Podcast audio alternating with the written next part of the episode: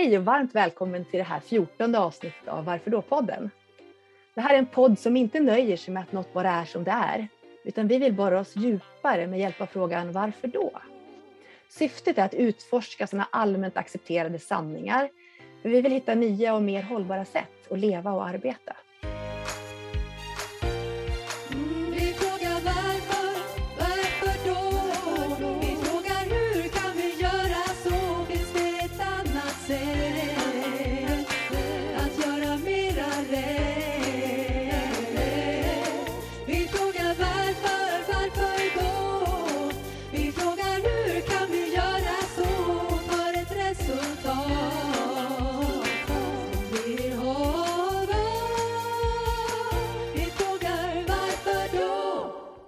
Som vanligt är det jag, Johanna och Maria som kommer att prata. Ja, säg Ja. Maria, hej! Nu pratar vi, vi börjar prata i munnen på varandra. Det är som vanligt. Ja, Det är som vanligt. ja. Ja, precis. Vi är här. Fast vi är på länk idag så det blir ändå lite annorlunda mot vad vi brukar. ja vi har kommit på att det funkar ganska bra det här faktiskt. Fast Mm. vi kan inte kramas, det är tråkigt. Ja, det är tråkigt nu när vi äntligen får kramas. Ja, men så har vi precis. valt att sitta på länk. Det var lite tvärtom. Ja, idag så funderade vi lite på om vi, alltså vi, vi började prata här innan eh, inspelningen och insåg att vi hade så mycket grejer som bara händer runt omkring oss. Det är stora saker som pågår runt om i världen och i våra egna små universum där vi befinner oss. Så vi tänkte bara ta er med på våra funderingar som vi har i våra huvuden exakt just nu så får vi se lite grann vart det landar. För du Maria, du började att säga att "Oj, det är så mycket som händer. Vad var det du sa för någonting? Eh, det här stora klimatmötet förstås. Ehm, Ja, men det är ju, vi började ju vi började ju lite grann och, och diskutera att vi skulle kanske prata om lite så rättvisa, orättvisor och sånt där och så seglar vi lite fram och tillbaka och sen tänkte man så här och så, och så börjar man liksom ringa in så här, vad som händer, vad som har hänt på de här senaste dagarna. Nu Mm. vet man ju inte när ni lyssnar på podden men, men just nu så har vi ju vad var det, 20 eller 25 barnmorskor som sa upp sig i ren protest. Exakt. En satt i tv och sa upp sig. Och då är man ju ganska missnöjd för det här är ju människor som oftast älskar sitt jobb och fattar ju att man sätter ju människor riktigt liksom i illa till som Mm. kanske inte får hjälp när de föder barn och så. Det är ju ett, det är ju ett, eh, ett rop på hjälp och det är ju ett larm. Något stämmer inte liksom. Där är det svårt att säga varför då. Där känns det snarare som att varför inte, eller hur ska man säga? Det är ju varför då på ett sätt.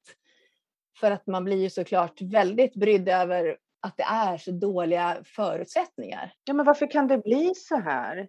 Varför, varför betalar man inte? Det finns ju pengar. Varför ger man inte de pengar som behövs för att vi ska ha en anständig förlossningsvård? Mm. Att våra bebisar ska komma fram till jorden eller ut till jorden med, med värdighet och, och så hälsosamt som det någonsin går. Det är ju helt ofattbart. Det är ju förkastligt att det inte prioriteras. Att det finns pengar till annat men inte till detta. Det är ju en, en varför då-fråga. Ja, men det har du helt rätt i. Och det är ju det där för mig in på andra tankar som vi bollade lite grann också. Det här med hur vi, vad vi har för syn på människan. För att någonstans så är det ju så om man tittar då på till exempel barnmorskor eller vården eller lärare. Alltså de är ju välutbildade allihopa men har inte superhöga löner. Det är ju betydligt mer välavlönat att vara ingenjör än att vara barnmorska. Oavsett om man har lika långa utbildningar eller inte. Det är någonstans jag, jag hade en föreläsning förra veckan som handlar just om det här hur man ser på människan. Att vi har fortfarande ett väldigt industrialistiskt tänk eller syn kring människan. Som att vi är en, en maskin som man bara ska kunna byta ut tips som happ. Eller en maskin Mm. som inte behöver någon extra utbildning i hur den fungerar. Utan det är lite som en dator, man ställer den på bordet, trycker på knappen och så går den. På samma Mm. sätt så föds vi till världen och så trycker man på knappen och sen ska vi funka och hålla ett helt liv. Mm. Jag pratade om det här att i skolan lär vi oss här, fysik, geografi, matematik. Allting grundar sig på tidigare generationers uppbyggda kunskap och överföring av den kunskapen till vår nuvarande generation. Men det här med att vara människa, det är som att vi bara ska kunna. Jag tycker att det Mm, ligger en mm. del i det där med att ja, vi, ska, vi ska bara funka, det där ska man kunna. Och lite på det temat då med barnmorskorna tänkte jag, föda barn, det ska man också bara kunna. Mm. Vadå, alla har väl fått Ja. barn i alla tider, så varför ska det behövas någon speciell Ja. utbildning för det? Eller kan det vara så Mm. himla svårt att föda barn? Eller Fast jag tänker min, ja, nej, men jag fattar precis vad du menar Jo- Johanna. Jag tänk, min vinkel på det är ju att det är en, en, en jämställdhetsfråga, en feministisk fråga. Mm. Att hade det varit männen som var liksom drabbade eller det var männen som födde barn och det var männen som jobbade som barnmorskor. Då tror jag att det hade sett annorlunda ut. Mm. Jag, tror inte att, eh, jag tror inte att man eh, till exempel, det är ju inte kanske den här frågan men just det här med förlossningsskador som, som jag har Mm. läst jättemycket om också, som ju Mm. har varit en väldigt stor fråga här för någon, någon vecka sedan. Som är det fortfarande, men ibland så blossar ju vissa, vissa Ja, saker upp precis. mer än andra. Och det var ju en sån fråga liksom där kvinnor kom till tals och fick berätta liksom hur de har blivit lite åtsnästa av någon, eh, någon barnmorska eller eftervården, vad, heter, vad är det, gynekolog eller ja, Mm, nå- någon mm. inom vården i alla fall, som, som säger att ja men, men du har ju fött barn och då får man ju Mm. räkna med lite skador. Och då pratar man om kvinnor som har tarmarna utanför magen nästan på grund av delning, man kan inte Mm. gå på toaletten, man kan inte jobba, man kan inte leva som vanligt. Mm. I Sverige, i Mm. ett, väster, ett västerland, vi har pengar, vi har allt vi behöver, Mm. men vi kan inte ta hand om de kvinnor eller de människor som, som föder fram våra barn. Nej, men det är obegripligt. Det är helt sjukt. Och jag håller med dig Maria, det är ju absolut, alltså, jag tänker att det är ett jämställdhetsperspektiv eller ett feministiskt Mm. perspektiv som du säger. Det är ju en del i det här. Men det man kanske då inte så ofta pratar om det är den här andra delen som jag också vill lyfta fram. Det här att vi har Mm. ett system som inte är byggt utifrån att människa är en komplex eh, Mm. organism som påverkar och påverkas av allting runt omkring. Ja, och det är ju Och också som helt... därför behöver hanteras på ett speciellt sätt och Mm. bemötas på ett speciellt sätt med, med en massa kunskap som man Mm. inte får lära sig i skolan. Till Ja, exempel Ja, hur mycket av en lärarutbildning eller en barnmorskeutbildning läggs på hur fungerar hjärnan? Vad händer när man bemöter en människa med vänlighet och empati? Vad händer när man Mm. bemöter en människa med stress? Eh, kanske icke-empatiskt, att man själv inte har förmåga till det. Vad är det egentligen som påverkas? Allt ända ner på cellnivå. Jag menar, det är så, om du hamnar i en situation där du ska föda barn med då till exempel en barnmorska eller en läkare som är superstressade så kommer det bli en svårare förlossning. Därför att Mm, hela ditt mm. system knyter sig i det här att det, det tar emot dig något som är farligt, du blir stressad, alla blodet Mm. skickas till fel ställen i kroppen. Det händer tusen saker.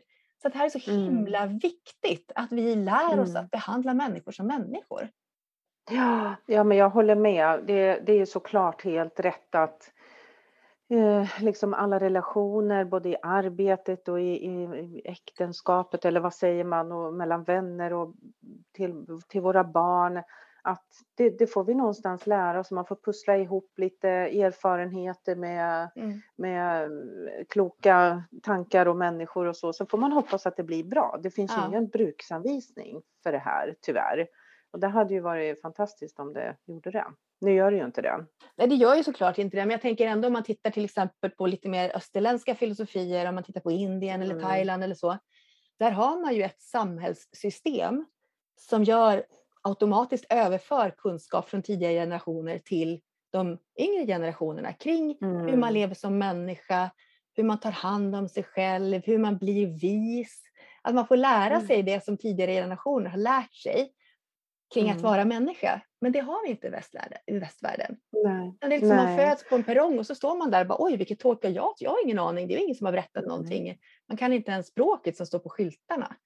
Och ska man bli en Mm, hållbar mm. människa som kan fungera i det här samhället. Det är rätt Mm. orealistiskt tycker jag.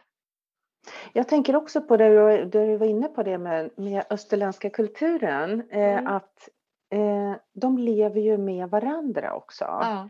Jag menar, här stoppar vi ju våra äldre på, på liksom en, en separat inrättning. Våra barn är där, Mm. vi är här, vi stänger våra dörrar Mm. väldigt noga.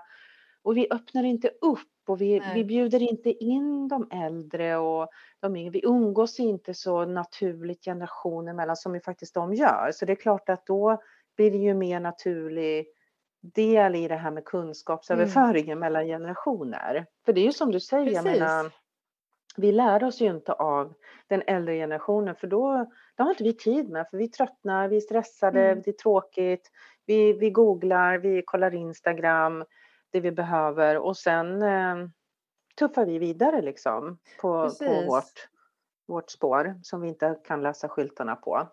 Exakt, och då tänker jag att det som gör att vi inte umgås med våra äldre, det är ju en samhällsuppbyggnad som inte tar riktigt hänsyn till vad människan behöver för att må bra. För relationer, det är en av de saker som skyddar allra, allra mest emot stress och utbrändhet. Goda relationer. Ja. Och hur lever vi? Vi sitter ensamma i en lägenhet. Eller vi lever i vår lilla familj och alla stressar omkring på varsitt håll. Det är, Mm, det är ganska mm. dålig skyddsmekanik emot stress. Mm, Jag tänker ja. inte minst när vi tittar på våra organisationer eller våra Mm. företag som vi, de flesta vuxna trots allt ingår i. Där har vi system som är uppbyggt utifrån att organisationen är en egen liksom, organism. Mm, Men när man mm. tittar på det så är det ju människor som tillsammans skapar organisationen. Och där Mm. finns det också en värdering. Det är lite finare att jobba med organisationsutveckling än att jobba med Mm. individutveckling. Mm, mm. Ja, det är Och jättekonstigt. hur kan det vara så? För att jag menar, om man inte kan individen, hur fasen ska man kunna bygga en organisation då? Nej, och varför är det coolare och, och häftigare att jobba med organisationen än att jobba med människor Det är liksom? superkonstigt. Som är ju helt oförutsägbara egentligen. Alltså, nu lär vi oss så himla mycket om, om mänskliga hjärnan eh, liksom i Mm. neurovetenskapen och så vidare. Så att vi, får ju verkligen, vi förstår ju mer och mer av hur komplex människan är. Mm. Eh, Så Mm. någonstans så är vi på väg åt ett rätt håll tror jag, i vårat, även i vårt samhälle. Men som med så Mm. mycket annat så tar det ju så himla lång tid. Ja, det gör I alla fall ur mitt perspektiv. Det beror ju på, om man tittar i Mm. ett evolutionärt perspektiv så är det ju bara en liten pitt. En piss i rymden Ja. eller en blinkning eller en, inte vet jag, droppe i havet. Mm. Nej, men jag håller För med. det pratar vi om apropå det här synsättet att herregud vad kort tid vi har Mm. haft då det här industrialistiska tänket eller som du som Maria bara gå tillbaka när, ja men hundra år tillbaka. Mm. Mm. Allt det som vi har gjort Ja. apropå klimat och så vidare. Det har ju skett de senaste hundra åren, typ 150, Ja. max 200 år. Så har vi pajat Ja. hela jorden. Det är ju inte liksom, titta inte tusen år tillbaka. Det är inte där vi började. Det. Nej, men jag tänker, tänk på efter andra världskriget, Ja. när det var slut, Mm. på, eller 45, sen dess, liksom, med allt, allt vad som har hänt då. Både Exakt. mycket, mycket gott såklart, men det har ju blivit en ganska stor, eller en väldigt stor, stort avtryck och vi har ju Mm. förstört så mycket också. Mm. Och både, nu pratar jag inte bara klimatutsläpp och koldioxid och allt det där, utan även för oss själva Ja. och oss själva. Liksom. All stress och men som vi pratar mycket om det här med stress och hur vi blir alltså svårt att ta in information och Mm. liksom leva rätt och ta rätt beslut. Eller rätt Mm. och fel, det kan ju ingen bedöma, men medvetna beslut. Vi tar ju inte medvetna beslut, vi har Nej. inte tid. Vi stressar och vi vill och vi, vi ska vara en massa saker som vi inte som vi inte är och vi duger inte och vi ska vara hit och, och dit liksom. Så att hjärnan är ju bara sönderbombad med intryck som är missvisande egentligen och som säger fel saker. ja, Fast vi är liksom fantastiska människor, de flesta av oss. Och så absolut. kan vi inte ge oss själva det liksom, utan det ska vara, vi duger inte och det är ändå ganska hemskt. Det är jättehemskt. Jag, jag hörde i morse, Ja. Anders Hansen kom med en ny bok nu som hette någonting med, Mhm. eh, vad hette det nu då? Depphjärnan eller någonting. Alltså Ja, att vi, ja men det här att vi har det ju, vi, vi mår Mm. sämre än vad vi borde Mm. göra om man säger så. Ja men exakt, ja det måste jag läsa. Det, det, det, är Mm. så, ja, men det är så himla intressant. Och det jag tyckte var roligt det var att det han säger det är ju sånt som jag pratar om. Ja. Så det är så skönt när det kommer liksom ny forskning, ny information som, som på ja. något sätt ehm, eh, bekräftar det, det man själv Mm. kan om hjärnan och om människan. Så det var jätte, jätteskönt. Mm, gud vad intressant. Men, ehm, men vi har det så himla bra rent objektivt. det har vi. Vi lever Mm. längre. Mm. Vi, ehm, men som man sa också, att den hjärna vi har, den är ju eh, designad utifrån när de flesta dog innan typ 12-15 års ålder. Mm. Mm. Alltså det är så designen ser ut. Och ju Mm. större känslighet man hade och ju mer man upptäckte faror, ju bättre överlevare var Mm, man. mm. Ja, men den är ganska intressant att, att man måste nästan ha en del ångest. Alltså det, är- det är ett sundhetstecken liksom. Det, man, ska, man ska inte medicinera bort. Det var lite hans poäng Ja, jag. jag tror att det kommer från han från början, att det är han som Ja. har avdramatiserat det här med all den här jakten på att få bort ångesten. Liksom. Ja, precis. Mm, Vi skulle inte vara här idag om vi inte, om vi inte var Om vi inte hade ångest, med den. ge- Nej, nej. nej, det är inte Det är sant. snarare de som inte har ångest som skulle behöva ha en diagnos för att Ja. de skulle ju inte egentligen överleva eh, Nej. evolutionärt. Men i vårt samhälle så är det precis tvärtom. Ja, ja nej, jag vet. Det är jättekonstigt hur det är så. Det är också en här varför då-fråga. Men jag tänkte, jag tänkte på en helt annan, eh, en helt annan sak som på. jag tror vi har pratat om det i, i eh, podden någon gång. Mm. Eller så har vi pratat om det utanför podden. Vi babblar ju mycket så att jag har kan få hålla ordning. Klart, det här är inte lätt. Men jag har tänkt så mycket på det. Jag har tänkt så mycket och jag tänkte jag skulle bara ventilera det. Att, Så och jag, jag har pratat om det. Ja, nu är du nyfiken. Ja. Tänk, tänk om alla tjänade exakt lika mycket. Säg Ja. i Sverige. Visst har vi pratat om det här? Mm, det har vi Mm. gjort. Jag vet, inte heller om det är i podden, men ja. Nej, jag undrar om det var... Ja, alltså nu pratar jag inte politiskt eller ingenting Nej. sånt. Vi, vi bortser från det, för det Mm. skiter vi i nu. Eh, men jag tänker så här, tänk om alla skulle få, alla svenskar, alla vuxna svenskar över mellan 18 och 65 år får Ja. 25 000 var i månaden. Ja. Eller 30 000. Mm. Säg 30 000 var i månaden. Mm. Mm. Och du får välja precis vad du vill jobba med. Mm. Vad du vill. Du kan eh, sopa gator, du kan sälja mat på ICA, du kan leda stora företag, du kan vara dykinstruktör, vad du vill. Mm, mm, Och då undrar jag, skulle, skulle vi alla, det är intressant att höra vad du skulle göra såklart, men, men alltså, hur, hur skulle världen se ut och hur, vilka val skulle vi göra? Så jäkla spännande tanke alltså. Visst är det? Vad roligt att du tog upp det, för på den här föreläsningen jag Ja. hade förra veckan, då inledde jag med incheckningsövningen var precis så här att om du, ja det är så här, vad heter du och bla bla bla, och om, vad skulle du göra om du inte gjorde det du gör idag, alltså yrkesmässigt, och inte började tänka på pengar eller någonting. Nej. Det var själva Mm. incheckningsfrågan, så det är verkligen på samma tema. Mm. Den är intressant. Den är intressant, men det som är intressant, en annan dimension i den här, det är att Mm. inget jobb är bättre än det andra. Nej, precis. Så att om du är börs-VD, då Mm. är du där för att du är bra på det, för att du Mm. trivs med det, inte för att det står på visitkortet. Nej. Om jag står och, och städar människors kontor eller hem eller vad som helst, då Mm. gör jag det för att jag, jag känner att jag, jag tycker om att städa. Jag, Mm. jag finner en tillfredsställelse i att, att vakna på morgonen och gå till jobbet och göra det här. Det blir Mm. rent, det blir fint och jag vet när jag är klar, till Mm. exempel. Mm. Ingen prestige i någonting. Nej. Den ena kan inte leva utan, eh, alla måste ju göra de här jobben. Mm. Jag skulle kunna jobba i en restaurang eller någon Mm. eh, Ica. Ja, någonting sånt skulle jag tycka var kul. Bara stå där och... Mm. Nej, jag tror inte det. Men jag tänkte mer så här, du vet, eh, dyka eller segla jorden runt eller sådana där grejer. Liksom. Det var inget sånt som kom upp, utan du tänkte ändå i den här Nej. kontexten som vi lever i idag. Ja, jag tänkte nog om jag skulle... Mm. Ja, ja, lite så. Mm. Jag tänker att segla jorden runt skulle jag inte vilja heller. Jag har ju mina Nej, barn inte jag här vilja och göra familj. nej, så att jag vet inte. Det, ja, nej, vad skulle du göra? Nej, jag skulle sjunga ju. Ja, det är klart du Jag skulle. skulle ju sjunga jämt. Herregud vad jag skulle sjunga.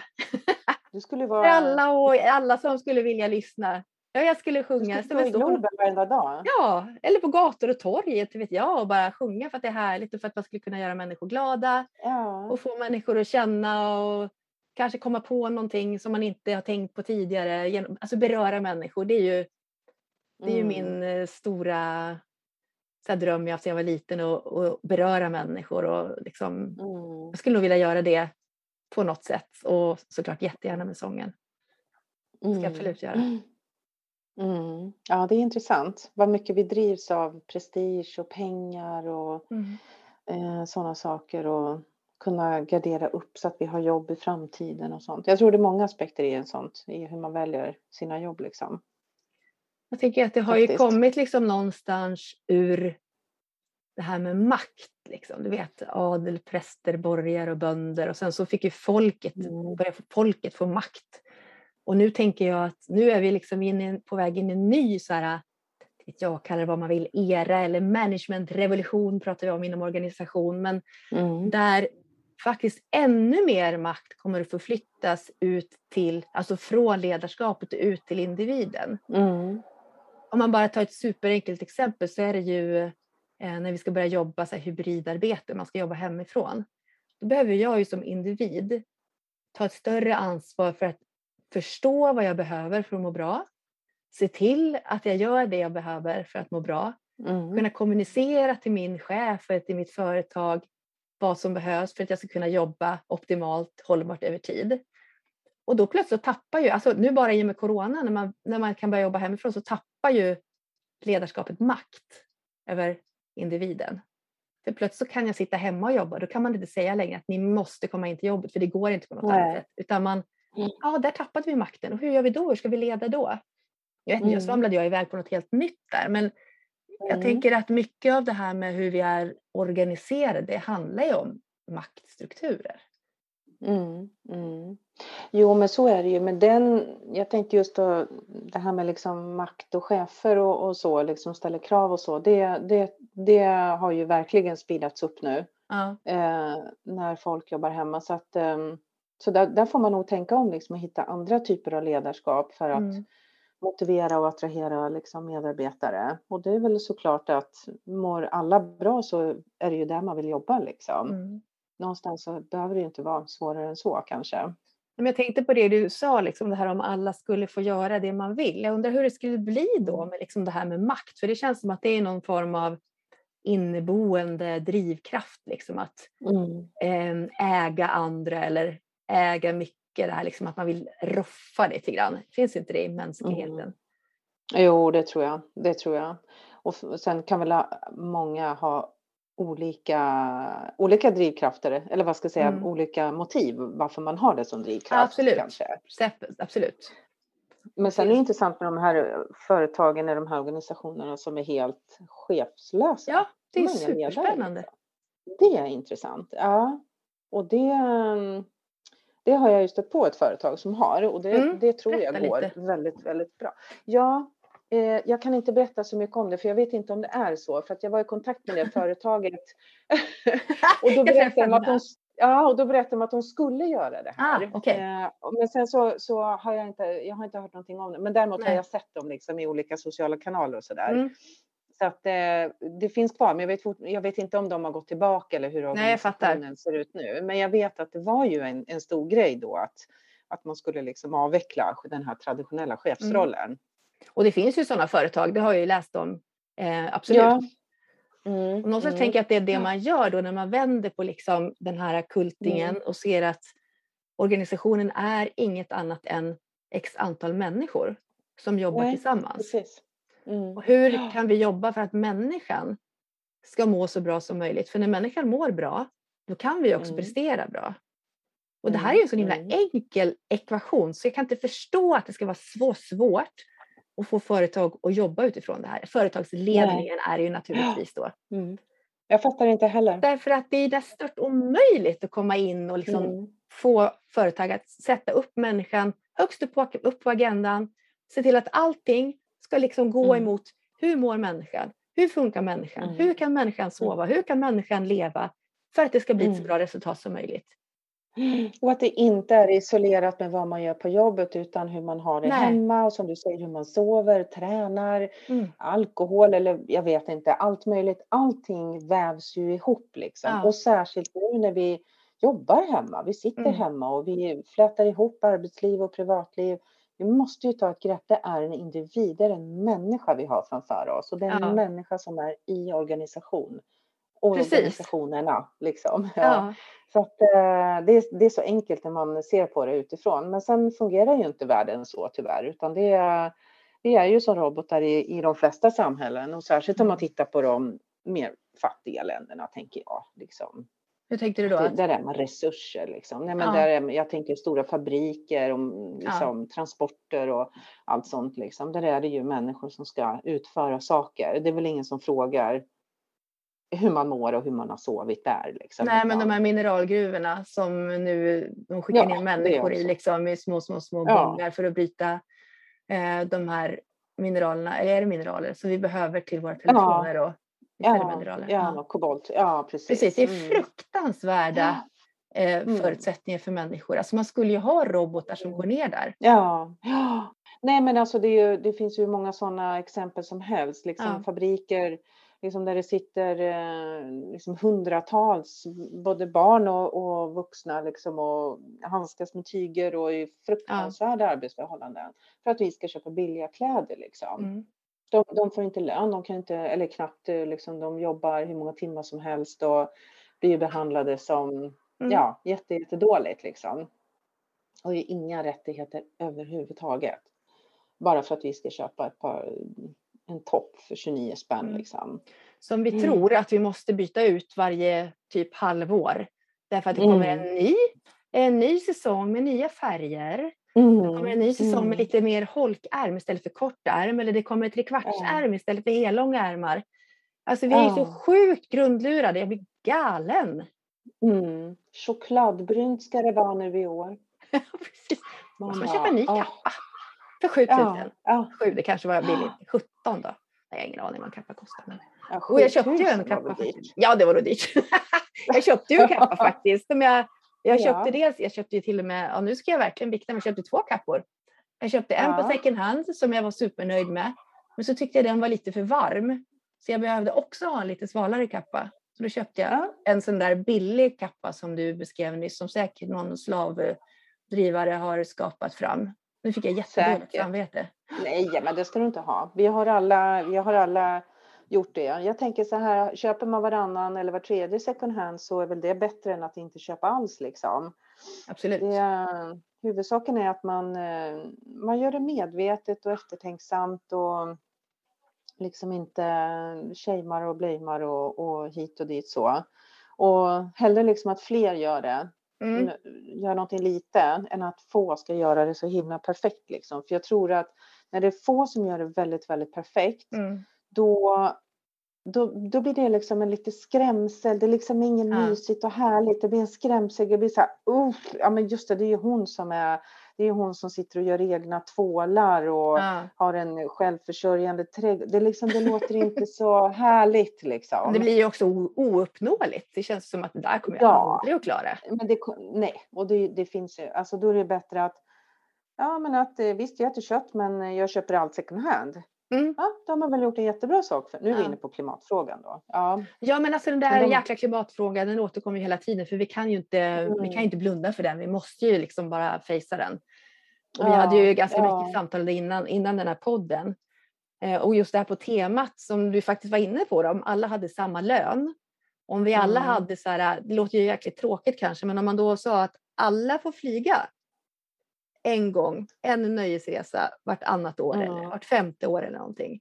Ja, då hade vi ju löst det här problemet. Då hade, suttit, då hade liksom ett få, då hade de här få människorna som helt väljer bort det kunnat få Mm. flyga någon gång ibland och de som flyger två, tre, fyra resor om året, nöjestripper, kanske hade fått flyga Mm. lite mindre men också ändå fått flygit. Den här solidariteten Mm. liksom, jag vet inte. Alltså det känns ju nästan att vi måste så här lag eh, stadga det för att det ska bli så.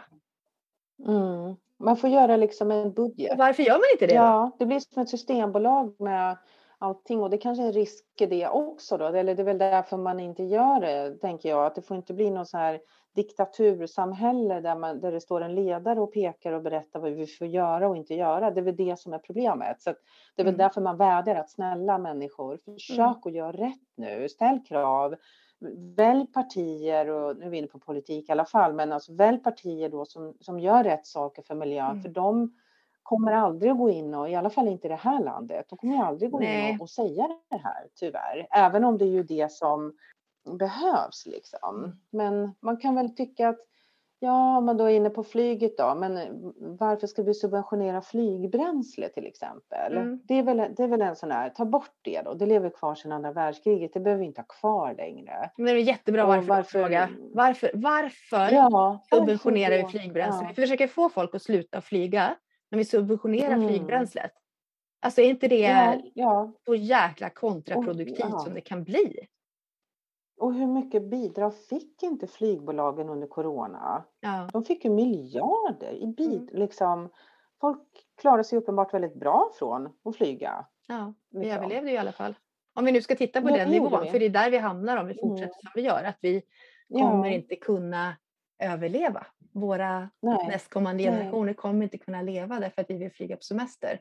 Och jag vill också flyga på Mm. semester så det handlar inte om det. Men jag tycker bara att vi borde Nej, jag blir, så, också. jag, blir så, Ja. jag blir så knäckt ibland över de här, äh, ur, in, men den här lilla människans stora ehm, kraven på människan som är så Ja. enorma. Hur vi ska kunna ta Mm. ansvar för vår planet, hur vi ska kunna liksom, eh, fatta alla de här medvetna besluten och vara de här kloka individerna som gör att vi kan vända den här skutan. Mm, Samtidigt mm, som det sitter så här stora multinationella företag och tjänar storkovan på att elda Mm. med kol eller eh, vad det är nu för någonting man gör, släpper ut så jäkla mycket skit. Jag Mm, förstår att det mm. är inte är så här man ska resonera när man, när man är klimatsmart, men ibland kan jag inte låta bli att hamna där. Jag blir bara så himla ledsen liksom och trött på alltihopa. Nej, men man är ju inte mer än människa liksom. Men jag försöker, jag försöker, dels så försöker jag ju tänka liksom så här, ja, jag vill göra rätt och det påverkar inte mig om alla andra gör fel. Alltså, Nej, det gör ju inte mig varken bättre. Det är den ena. Och sen tänker jag så här att det är inte så många om man ser det procentuellt i världen som faktiskt kan göra skillnad. nej. Om man nu bortser från intressant. företagen. Alltså vi är ju inte så många, ja men som vi pratade om att 4 procent, jag tror att det är, nu gissar jag lite, men jag Mm. tror att ungefär 4 procent av världens befolkning har någonsin suttit på ett flygplan. Alltså, det är helt sjukt, kan det vara så? Ja, det är helt galet. Det är jättelite alltså. Ja. Ja. Och det utgör ju ungefär lika många procent av klimatutsläppen. Så att det är Mm. inte jättemycket heller. Men å andra Mm. sidan då, om det är så få Mm. som orsakar så stor skada Mm. För människor som aldrig, de har bara sett flygplan som prickar i luften på Mm. sin höjd Mm. liksom. Mm. Och som ju då det i sig orsakar. Mm. Men sen ska man ju såklart liksom lyfta in då med hur vi shoppar och beter oss och sådär. Och vi har ju förmånen eller privilegiet eller vad jag ska säga, men vi gör ju av, eller vi släpper ju ut de allra rikaste, vad var det jag sa, 48 ton per år. 47 om man ska vara exakt, så jag skrev ner det. 47, ja, du ser. Det är ju Mm. den eminenta Maria Soxbo som har tagit fram det här från Ja. Naturskyddsföreningen, tror jag, skulle jag gissa att det är. Mm, mm. Antingen det eller SLU eller något sånt. Men det är i Mm. alla fall verifierade siffror när det kommer från henne, det vet vi i alla Mm. fall. Eh, och 47 ton, jag menar smaka på den. Men du måste gå tillbaka lite. 47 ton vad då? Koldioxid släpper den, eh, ri, de rikaste ut per år, eh, per person I Sverige, i världen? I Sverige. I Sverige, I precis. Sverige. Mm. Mm. Och då om man drar en parallell då att genomsnittet i Sverige är 8 ton Mm. per person och år. Mm. Eh, och innan år 2050 så måste vi komma ner till ett ton Mm. per år. Och då för att dra en parallell, en resa till Medelhavet och tillbaka utgör ett ton. Mm. Så gör man det år 2050, då får man inte göra mer. Då får man inte Man duscha, koja och äta. Då får man sitta i sin koja och äta sin, sin, sina kantareller tallbarr och sina kantareller. Ja, precis. Ja. Mm, nej, men eh, så, så är det. Så Här är att en vi- krassa verkligen definitivt inte köpa en massa nya kläder. kan man absolut inte göra. Nej. Det är ju också en jättestor eh, sån skurk. Mm. Att vi ska hålla på och köpa nya kläder Ja, hela det är en tiden. stor, det är en stor skuld. Mm. Det är fossila bränslen, det är kläder och mat och Biffen, energi. bilen och Ja, banken. Bränslet Bränslet. och banken. Ja, just Ja, det. Så att, eh, nej, men för att återgå till då den enskilda människan, att, Mm. att visst, Johanna och Maria, vi gör ju ingenting i sig, men vi, de människor vi påverkar kan faktiskt vi tillsammans spara in ganska många ton per år. Ja, det är ju ändå skönt att känna. Ja, du och jag, våra familjer, grannar och, och några på arbetsplatsen, det kanske gör 200 ton per år. Det, är Mm. ändå, det blir ändå ganska mycket helt plötsligt på den stora, Mm. stora klimatbudgeten. Och vi är som sagt, det är inte så många som kan spara så många ton. Jag Nej. menar, res till eh, Rumänien. De gör Mm. inte av med nästan någonting liksom, Nej. per person. Så, så kan man ju Det- tänka. Ja, och jag, det är så bra med dina perspektiv Maria. Det, det liksom får mig att tänka till. Ehm, och jag rör mig så mycket i den här personliga hållbarhetssfären. Och det är ju inte Mm. personligt hållbart någonstans att konsumera som vi gör, att leva som vi gör, för vi kommer inte, alltså det funkar ju inte, det är uppenbart. Men just där, när man tittar på den här personliga hållbarheten så blir det också så påtagligt hur, hur mycket stress det här driver hos oss Mm. individer. Eh, Mm. Som då i sin tur, stressen gör att inte hjärnan funkar, vi kan inte fatta besluten. Och det är liksom som en jäkla snöboll som bara rull- rullar. Och ibland så, Ja. när man börjar då liksom i klimatet så kan jag bara känna att ja, ibland vill jag bara vända upp och ner på det, liksom börja i människan på något sätt. Att hur kan vi göra den här förändringen utifrån hur vi människor fungerar? Istället för att Mm. sätta liksom klimatet eller whatever, makten eller jämlikheten. Det finns ju massor med saker som vi kan sätta, det behöver inte bara vara klimatet. Men att man Mm. börjar i det här stora, som om det vore en, liksom, en egen eh, organism, liksom, klimatet är en egen organism. Ja, nej, men det är ju inte, för vi är en del av klimatet. Ja, vi är en del Människan är en del av klimatet, vi är klimatet. Ja, För det vi ja. gör, jag menar när vi andas, vi andas ut, vi är koldioxid andas- växterna, mm. så det, vi är en del av klimatet. Och då Mm. skulle jag ibland Mm. vilja bara vända upp och ner på hela kultingen oavsett om det handlar om så företag eller klimatet och titta på hur fungerar människan? Hur, Vilka Mm. förändringar skulle vi kunna göra enklast utifrån hur människan fungerar som får störst impact på det vi behöver då, klimatet Mm. eller jämlikheten. Eh, Och jag tror Mm. att ibland att vi skulle kunna ha större framgång där Mm. Ja, än tvärtom. För att det blir någonstans orealistiska... Alltså vi har sån information overload i våra huvuden att Ja. vi inte ens reagerar när vi går förbi en, en människa som ligger utslagen på gatan. Bara, Oj, ja, den Nej. där hon har druckit för mycket sprit. Eller liksom, ja. alltså vi, tar, vi kan inte ta in och hur svårt det då är för oss att ta in det här till exempel den stora klimatfrågan som Mm. dessutom ja, som inte är liksom synlig för våra fysiska ögon så att säga. Nej. Jag Ehm, tror... Det är klurigt. Jag, jag. Det var det jag ja, säger. är Det var klurigt. Mm. Och jag fattar om man, blir, eh, om man blir superstressad av det här och man kastas fram och tillbaka och man blir påverkad och man kanske man kanske har bestämt sig för att titta på någon, någon, något reportage eller Ja, någonting och ja. man fattar, Man bara, shit, man sitter hemma i soffan och bara, Ja. gud jag måste sluta med allt nu, nu Ja. skiter nu är det slut. Ja, och sen så går, så går man ut och tänker, ah, allt ser ut som vanligt och så Mm. Ja, och tänker jag, "Äh, jag tar bilen, jag orkar inte. Alla Mm. andra tar ju bilen. Mm. Och så står man där och, på affären och ja, men jag kan inte tänka någonting med bönor idag. Jag tar min fläskfilé. Mm. Och så tar man de här små besluten och Mm. tänker att imorgon, nästa vecka sen. Ungefär som när man ska börja träna. Ja, precis. Och då tänkte jag så här, tänk om man, tänk om man skulle göra så här att man, man gör en plan för sig själv. Att Mm. man, precis som man gör när man ska börja träna, man förbereder sig. Man Mm. tänker att jag ska inte börja träna varje dag. Jag Nej. ska träna två dagar i veckan Mm. och jag ska träna onsdagar och lördagar. Mm. Man gör en plan. Man vet att man vaknar på onsdag. Idag ska jag ta tåget. Tåget går 20 över 7 Mm. till jobbet. Och det, Mm. jag ska inte ta bilen idag. Jag ska ta tåget Mm. till exempel. Ja. Och idag har jag handlat och förberett så att idag ska jag göra världens godaste eh, hamburgertallrik med växtbaserat istället Mm. för med kött. Och det bara är så, för det, det är handlat och det är förberett och klart. Mm. Och då är man ju inne liksom på en stressfri omställning, tänker jag. Att man liksom undanröjer det här. Och man kanske liksom till och med planerar sådär. Om man tycker det är besvärligt att ta diskussionen så kan man säga att vi har inte råd. Eller jag vet inte, man kanske hittar på någonting. Och bara, nej men vi, vi tar tåget i år till för vi tycker det är roligt att se fyra länder istället Mm. för ett land. Vi gör, vi gör en semester av resan istället Mm. för att bara slänga oss på ett flyg och kommer fram efter en halv dag. Utan vi, alltså att man tänker så.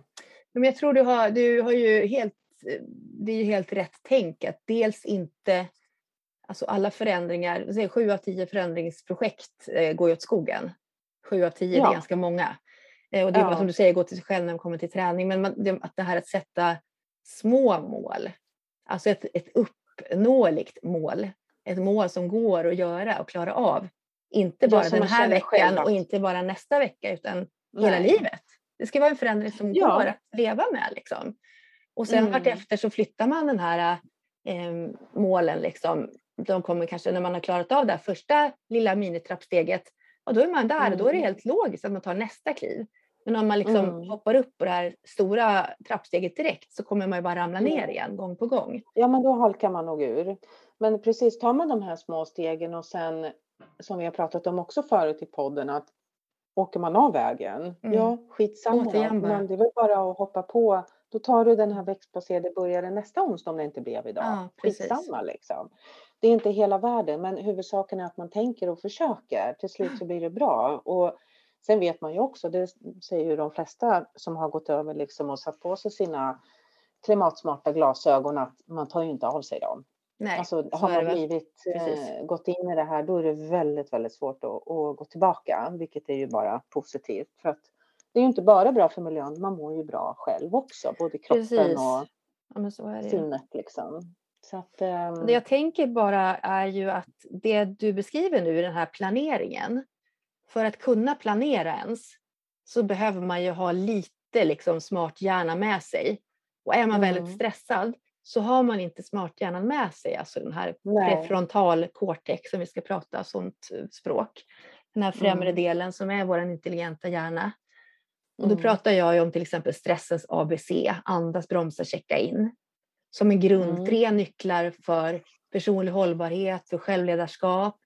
Och jag tror att de här tre skulle vi alla behöva jobba med i vår vardag för att kunna fatta de här besluten.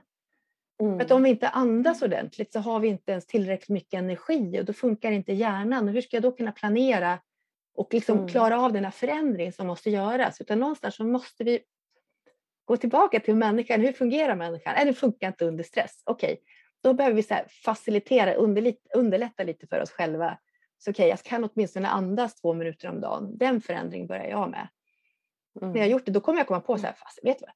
Vet du vad jag gjorde? Jag bokade ju en resa igår. Jag har ju inte varken pengar eller tid eller jag har inte kollat om jag får ledigt. Ah, Mm. Kanske är bra liksom att om man börjar där så plötsligt börjar man ju Mm. upptäcka grejer. Om man börjar andas så kan man börja göra saker lite långsammare. Och när man gör Mm. saker lite långsammare då upptäcker man plötsligt att tussilagon i vägrenen. Att, du vet, man kör Mm. 120 på motorvägen så bara, nej, jag ser inga, det var inga blommor. Och så kommer man in i Nej. by, så tuff, tuff, tuff. oj titta vad mycket vitsippor och blåsippor och tussilagos. Mm. Och då ser man Mm. så här, hmm, oj vad jag håller på, det här kanske inte var så bra tänk. Mm. Då, Mm. då tror jag, då är man där så här, man går in i sig men vill jag göra så här? Då checkar man Mm. in va. Här, ja, men Mm. vill jag göra, vill jag leva så här? Det här är ju inte ens okej, Mm. det är inte okej. Mina barn, jag håller på att paja liksom, världen för mina barn. Vill jag det här? Nej, det vill jag inte. Mm. Och där kommer Mm. motivationen till att göra förändringen. Och då är det inte så Mm. svårt längre. Men när vi ska börja liksom i det här äh, 120 knutar, så nu ska vi göra en förändring och nu ska vi göra det här. Alltså det Mm. funkar så dåligt. Och det är ju det vi ser Mm. oss. Det går ju skitdåligt. Jag tror, nej men jag tror också när man eh, saktar ner och tänker att man lyfter blicken och tar in annat än där man Mm. liksom eh, scrollar på Instagram och Absolut. man liksom de här vanliga kanalerna, alla andra flyger och reser och de shoppar, de Mm. har sina Mm. shoppingkassar och de sitter och grillar sitt kött på sommaren och, Mm. och sådär. Men lyfter man blicken och tittar sig omkring så folk gör inte, alla gör inte det här och det finns så många andra saker att göra och som Mattias Goldman sa så himla bra där i förra avsnittet där att Mm. Platsen är säkert ledig. Ta den här Just det. klimatsmarta platsen liksom. Mm. Antingen för ditt företag, för din avdelning eller i grannskapet. Mm. Bli den här som står med, med och grillar tofu och liksom sträck på dig för du har eh, skitgoda dipper och organiskt vin och du, du har precis lika trevligt och roligt som alla andra grannar fast du, ja du fattar liksom. Man, Jag man fattar kan göra grejen. så mycket. Ja. Man kan vara precis lika snygg och, och trendig och härlig fast man har köpt second hand. Jag hade hela min eh, outfit på min dotters eh, student från eh, second hand. Mm. Och jag kände mig fan snyggast på hela festen liksom. Alltså det, det är så snygga grejer. Ja. Jag tänker bara det här hela, vad snygg-grejen är så sjuk. För vem har bestämt vad som är snyggt? Nej, jag vet, men man vill ju känna sig fin. Alltså, det, alltså man får liksom plocka ännu längre ner. Så här, ja, men, och då vill man känna sig fin utifrån Ja. den kontexten som vi lever i. Som Mm, egentligen bara är mm. på. Om vi skulle åka till Afrika skulle vi, de titta, nu tog jag det som ett exempel bara, de kanske skulle tycka vi var Mm. skitfula. klädda Ja, och ja. liksom inte alltså, sminkade konstigt, allt vad det är för någonting. De Mm. kanske har helt annat sätt att värdera liksom, sin skönhet på än vad vi har. Ja, Inte att de inte bryr sig. Ja, men det räcker att åka till Filipstad för att man ska liksom ha olika syn på vad som är Ja, vackert och exakt. inte. Nej, så absolut. Men jag kanske tyckte att jag var snyggast, men det var säkert några andra som tyckte att de var snyggast. Och det är väl viktigast att man känner själv att nej, men jag kände mig rätt nöjd. Ja. Liksom. Jag känner inte alls så här, oh gud, här kommer jag och sjava runt i, nej men du vet så. Så att det, det är en sån himla viktig ehm, viktig känsla att man får känna sig härlig och man har kul Mm. och man festar och man känner sig fin och man får resa och uppleva utan att eh, belasta klimatet. Man Ja. tassar fint på, på jorden och gör jättesmå avtryck trots Mm. att man har skitkul och känner sig skitsnygg Mm. under vägen. Eller på vägen. Ja, jag tänkte på det, det här med... Eh, nej men gud, nu tappade jag bort. Jag satt och tänkte... Det är det här, jag måste nästan skriva Nej. ner saker för jag glömmer alltid bort vad jag ska säga. Därför jag pratar i munnen på Nej, dig så Det är ofta. varför jag pratar så mycket. Åh, tassa runt. Nej, nej men tassa runt du. och Ja, jag får vara tyst lite så kanske jag kommer på det. Ja, det kommer, det kommer. Mm. Ja. Ja, nej, men så att eh, jag tror att vi behöver rasera lite och inte bara som en sån direkt för klimatet utan. Nu kom ta jag på det när du sa det där. Det, bra. handlar, det var det jag tänkte, det här när man checkar in i sig själv. Mm. Och Ja. kanske inte det här att vara snygg heller är det som gör att man väljer vad man klär på sig. Utan det kanske Nej. handlar mer om att det känns skönt. Ja, men jag gillar de här Mm. kläderna, de här känner jag bekväm Jag känner mig bekväm jag kan röra mig eller Mm. åh den här toppen har jag haft tusen gånger för att jag älskar den, den vill jag ha idag. Mm. Och jag har den på varenda bild. Ja, och det kan ju hända att det kanske Ja. grundar sig liksom i några helt andra värderingar plötsligt än de man fattat Mm. beslut utifrån när man sprang Mm. så där fort. Mm. Och det är ju tyvärr ofta, nu är vi inne på jämställdhetsfrågan, eller Mhm. på den här, det här perspektivet, att det är ju ofta en sån här, att vi klär oss snygga, att vi, att vi liksom vill bli lite objektifierade, eller vad jag ska Mm. säga. Att vi vill klä oss kvinnligt för att vi, Mm. vi vet att vi blir bedömda. Ja. Alltså som, som kvinna så föds man ju nästan Alltså vi lever ju på en catwalk hela vårt liv nästan, Mm. mer eller mindre. Sen kan man ju Mm. välja att kliva av den, men det krävs ju ganska mycket för att man verkligen som kvinna ska gå ut och, och vara helt ointresserad hur man ser ut. Absolut. liksom. Så är det ju, men ju närmre sig själv man kommer och, och den här tryggheten som du pratade om, Mm. ju mindre bryr man sig ju faktiskt. Men så är det Eh. verkligen och det kan jag ju bara själv intyga. Nu har inte jag blivit liksom jag är ju väldigt eh, vanlig. Jag är ju liksom ingen, jo jag är nörd på massor med sätt, men det är inte som att jag agerar väldigt super, super annorlunda mot alla andra. Men det är, ändå, det är ju en väldigt lång resa från det jag var för kanske 10-15 år sedan till där jag står idag. Det jag Mm. känner mig mycket, mycket, mycket mer att jag gör fler val utifrån mig själv som åtminstone är Mm. lite mindre beroende av alla andra. Jag ska ha inga, Mm. jag gör inga illusioner om att jag tror att jag väljer själv, för det gör jag såklart inte, utan jag väljer fortfarande Nej. utifrån kontext och sammanhang Ja. men lite mer utifrån mig själv. Mm, Ehm, mm. Tacka ja och tacka nej till saker som jag känner att "Nej, men det här mår jag inte bra av, det här mår jag bra av. Eh, Mm. Fast folk kanske tycker att men gud, du får, nu får du ställa upp lite mer här för detta, detta. Alltså, ja, men om jag inte Mm. klarar det, då klarar jag inte det. Och då får jag säga nej. Ja, Om alla gör samma nej. sak, då kommer inte det kanske... För det där är ju klassiskt tycker jag. Så här, man säger att vi har ett... eh, Ja, vi ska göra en aktivitet på jobbet. Nu bara hittar jag på ett exempel här. Och så säger man så här, Mm. men det är ingen som ställer upp och vill hjälpa till. Nej, Mm. okej. Det kan man ju hålla på och granska, men vad beror det på då, vill jag veta då. Vad är det som gör? Mm. Finns det då ett stort intresse av att vi har den här aktiviteten eller är det så att vi kanske ska ta bort den eftersom ingen har engagemang för att göra det? Och säger Mm. jag då nej, då kanske andra tycker så här, fasen hon ställer inte upp och hjälper till, det är så typiskt. Nej, det Mm. gör jag kanske inte därför att jag känner att det är rätt beslut. Och om alla vågade stå upp och säga att det här är rätt beslut för mig, då skulle vi inte Mm. ens komma på att ha just den aktiviteten till exempel. Då Nej. skulle det se annorlunda ut. Då skulle vi välja någonting annat. Och det Mm. här är liksom, det här tror jag är det som förändrar samhället. När vi Mm. kommer djupare i oss själva och fattar beslut utifrån hur vi faktiskt, vad vi faktiskt mår bra av på riktigt. Och inte Mm, bara mm. utifrån eh, hur vi ska leva för sig. att någon vill tjäna pengar på oss. Liksom. Ja.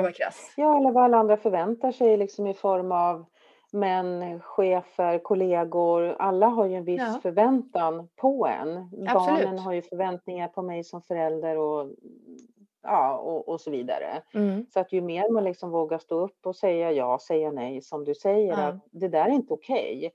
Det kan ju handla om också att man säger ifrån vissa beteenden som inte känns Ja, ja, bra visst. som andra, som man kanske varit indragen i jargonger eller vad vet jag. Men Ja. plötsligt så skaver det, det känns inte kul, jag vill inte vara den där, den personen längre. Alltså det, är- det är jätteviktiga eh, val. Sen är det ju skitsvårt att stå upp för det, men det är kanske är viktigt att bara göra sig medveten om det. Det kan ju Ja. vara en jättebra början att det där är inte kul liksom.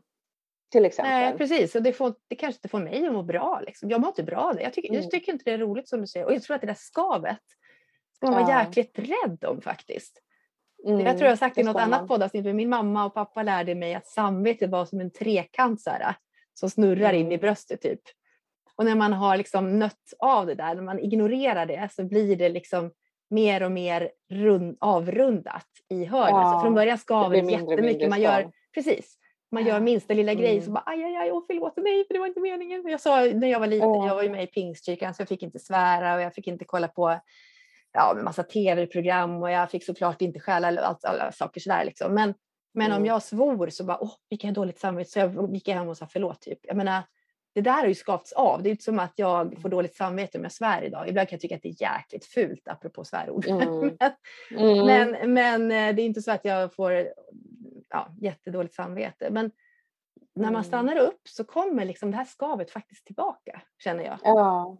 Och då börjar man Mm, känna att vet du vad, det mm, här känns ju inte riktigt bra. mm, Och där blir de här mm. förändringarna mycket, mycket lättare än när någon annan talar om för mig så här, vet du vad Johanna, du borde faktiskt, det här borde du inte göra, det här är inte bra för Mm. klimatet eller gör inte si, gör inte så. I alla fall i min familj är vi helt hopplösa på att ta så här, när andra talar om för oss att man ska göra någonting, då bara, nej, Mm. vadå, säger du, det gör vi inte tvärtom. Nej, det är verkligen inte så här familjen Mm. tvärt emot. Mm. Men, Nej, men jag tror det eh, ligger något i det och jag tror vi alla är likadana, eller ganska lika där. Ja. Att det är jobbigt när någon står med pekfinger och säger du Visst gör fel. Det här skambeläggandet. Men för varför tycker du att jag gör fel? Man vill komma Ja. på det själv och man vill se framför sig att man är den där härliga personen. Liksom. Mm. Så är det ju. Vi skriper den upp den här, när någon säger så här, så där ska jag inte så säger man här, ja men du då? Ja, Inte så här, ja, spontant, ja, men du då? Ska du säga? Du som gör Ja. så där, du som har det där. Och det är så lätt att det Ja. kommer så här bara, mm, Det du får man inte göra. Nej. Nej, så, nej, så får man inte göra. Fast, Man får inte säga så. Du då? Nej, men man får heller inte säga till någon annan då. Så du borde göra så här. Är du med? Nej, nej, gud, nej. För då kommer ju den här Nej. känslan, ja men du då? Utan det handlar Ja. liksom om att någonstans att, ja gud vi har pratat om det här förut, men om jag ska kunna hjälpa dig att utvecklas och kanske få Mm. nya insikter, då behöver jag först förstå hur du tänker för att jag ska kunna hjälpa dig. Jag kan inte ta Ja. mina tankar och lägga dem i ditt knä och säga att så här borde du göra. Så först hur är det att vara Maria Ingels? När hon sitter Mm, där i mm. sin lägenhet på den här platsen med det här jobbet, Mm. den här familjen, de här barnen, den här mannen, det här, alla de här Mm. sakerna. När jag förstår det, då kan jag Mm. börja prata med dig på ett sätt som gör att vi tillsammans kan börja förändra oss. Mm. Ja. Mm. Och där är vi, vi är så långt ifrån det. Ja, och tänk dig då stå och prata liksom inför en hel befolk befolkning med Mm. alla, alla individuella tankar och erfarenheter och upplevelser Mm. liksom, och situationer och möjligheter. Så att det, man kommer ju aldrig kunna det- uttrycka att man förstår varje, men man kan ju ha en Nej. enormt stor respekt för människans Mm. olikheter och för människans förmågor och utmaningar att leva i det här samhället. Och liksom Mm. En tro på att människan kan, men också förståelse för att det är svårt. Så jag menar, jag tror Mm. att det liksom, när våra politiker kan kommunicera med oss på ett sådant sätt, då tror jag att man kommer nå mycket större framgång än idag. Mm. Ja, Man står och kastar Mm. paj på varandra. Det gör inte vi alla. hade ju... Nej. Nej, det är ju... Fan, det, usch, nej, det Men vem tar, någon på all, vem tar en politiker på allvar liksom, när det står och kastar paj på ett annat parti och säger, och säger det här, men du då? Men du då? Ja, Men ni då? Ska ni säga det Och här? ni har ju sagt att... Ja, Alltså, och det gjorde ni. inte. Nej. Kanske man istället kan säga, åh vad intressant att du ser det på det sättet. Berätta, Mm. hur kom du fram till det här? Ja, ja. Låt mig förstå Eller- hur du tänker. Alltså tänk om deras Ja. partiledardebatter var på det Mm. sättet istället. När du säger så det Sverigedemokraterna och så står Vänsterpartiet här och så säger de så här. Jag vill inte ha in några invandrare för att. Och så säger de så här. Och jag vill ha in alla. Nu har jag hittat på ett jättedåligt exempel. Ja, Men bara i alla fall, ja. du, ni förstår vad jag menar. ja. Och så säger då så här. äh, Sverigedemokraterna säger så här. Men gud vad intressant att ni ser det på det här Mm. sättet. Jag ser det helt annorlunda. Kan inte du hjälpa mig att Mm. förstå? Hur, hur har du kommit fram till den här eh, tanken? Mm. För jag skulle Mm. verkligen vilja förstå. Då skulle man Ja. utvecklas. Men, "Aha, och jag ser det på det här sättet. Vad tänker du om det? Alltså förstår Mm. du vad det skulle hända grejer? Mm. Åh! Eller tänk om någon sa två olika meningar. En, Mm. Den ena är så här, ja, jag tror banne med du har rätt i det där. Ja. Jag ska nog fasiken tänka om. Ja. Det är det ena. Och vad var det andra nu då?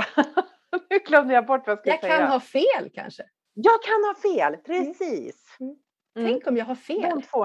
Mm. Tänk om någon skulle säga, men gud du har ju rätt, jag tänkte helt fel. Ja. Jag tänkte på, tänk vad uppfriskande det skulle Ja. vara i en, en partiledardebatt. Man skulle bara Ja. älska den partiledaren. Jag blev bara Jag så väldigt spänd på att bli partiledare nu.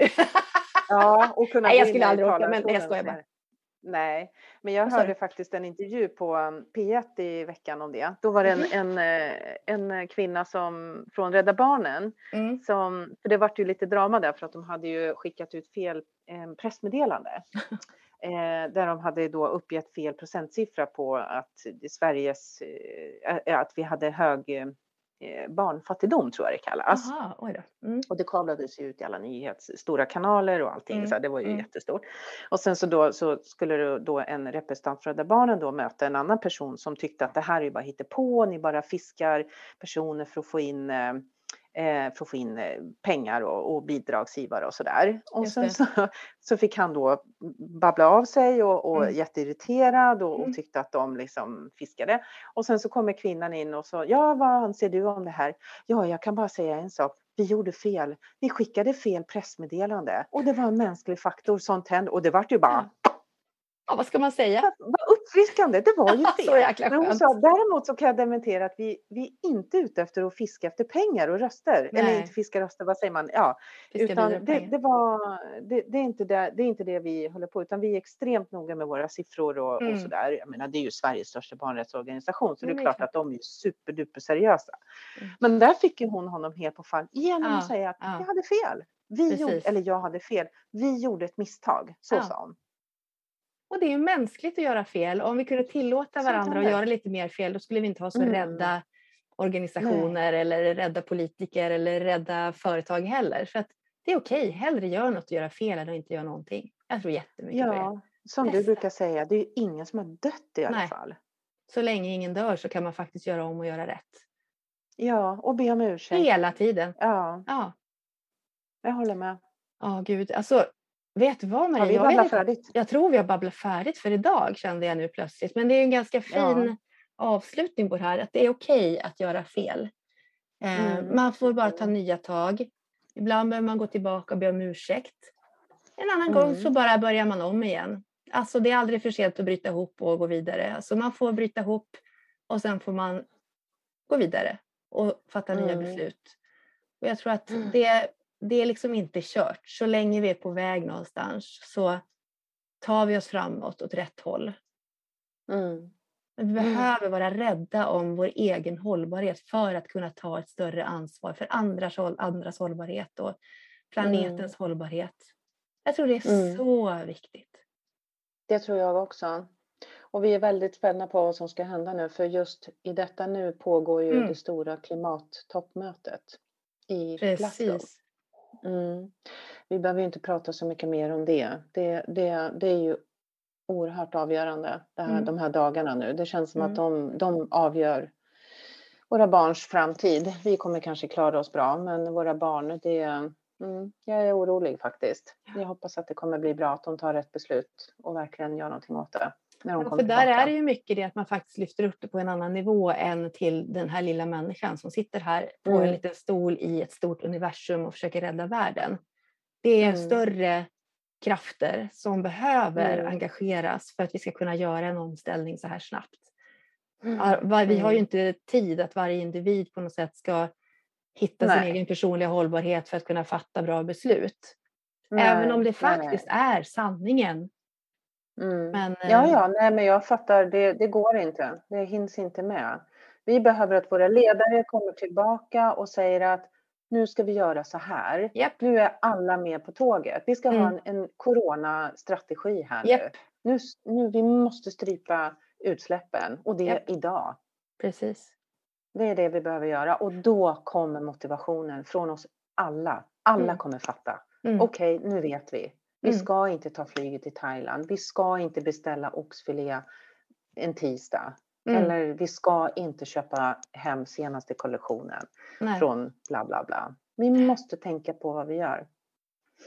Ja, vi behöver göra något annorlunda för att få ett annat resultat, Mm. det är helt klart. Ja, Eh, men vi ibland behöver ha hjälp från våra politiker. Mm. Absolut. Vi behöver ha motivation och vi behöver ha någon Men vi som vill liksom behöva stöd, stödsystemen för att klara av de här Mm. förändringarna. Då kan man inte hålla på och supporta flygindustrin och subventionera bränslet Nej. eller höja skatten på grönsaker och sänka den på brasilianskt kött. Nej, men liksom, nej, vi måste ju, Ja. vi måste ju Nej. sätta upp systemet också för att hjälpa Mm, till. mm. Så det hoppas vi Mm. att de ska hjälpa till med. Tills dess Ja, så vi får vi väl jobba på på våra egna kamrar med det vi Mm. kan, det vi mäktar med.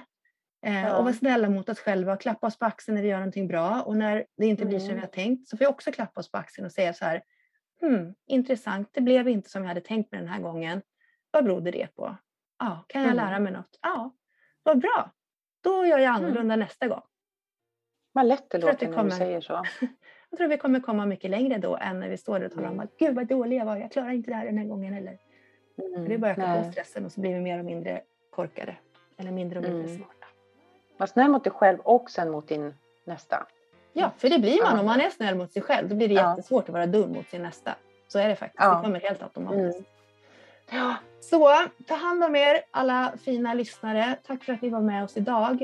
Eh, det är spännande. Vi tar gärna lite feedback på hur den här avsnittet var. För det var ju lite på ett sätt precis som vanligt. Men på ett sätt lite annorlunda eftersom vi inte hade satt något specifikt tema. Så låt oss veta vad ni tycker. Mm. Maria, var Tack hittar man oss? lyssnar. Hej, var hittar man oss? Ja, vi, det går att mejla som vanligt. Varför då podden gmail.com. Vi finns på Instagram, varför då podden och eh, Facebook, ja, varför då på den? Facebook, just det. Facebook Mm. också ja. Precis. Toppen. ja så, Hoppas att vi hör ifrån er. Dela och sprid och eh, följ oss. Just det, vad det Ja. vi skulle säga.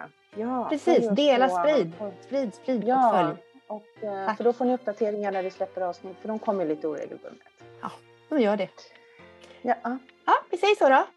Ha det bra. ha det bra. Hej då. Hej, hej.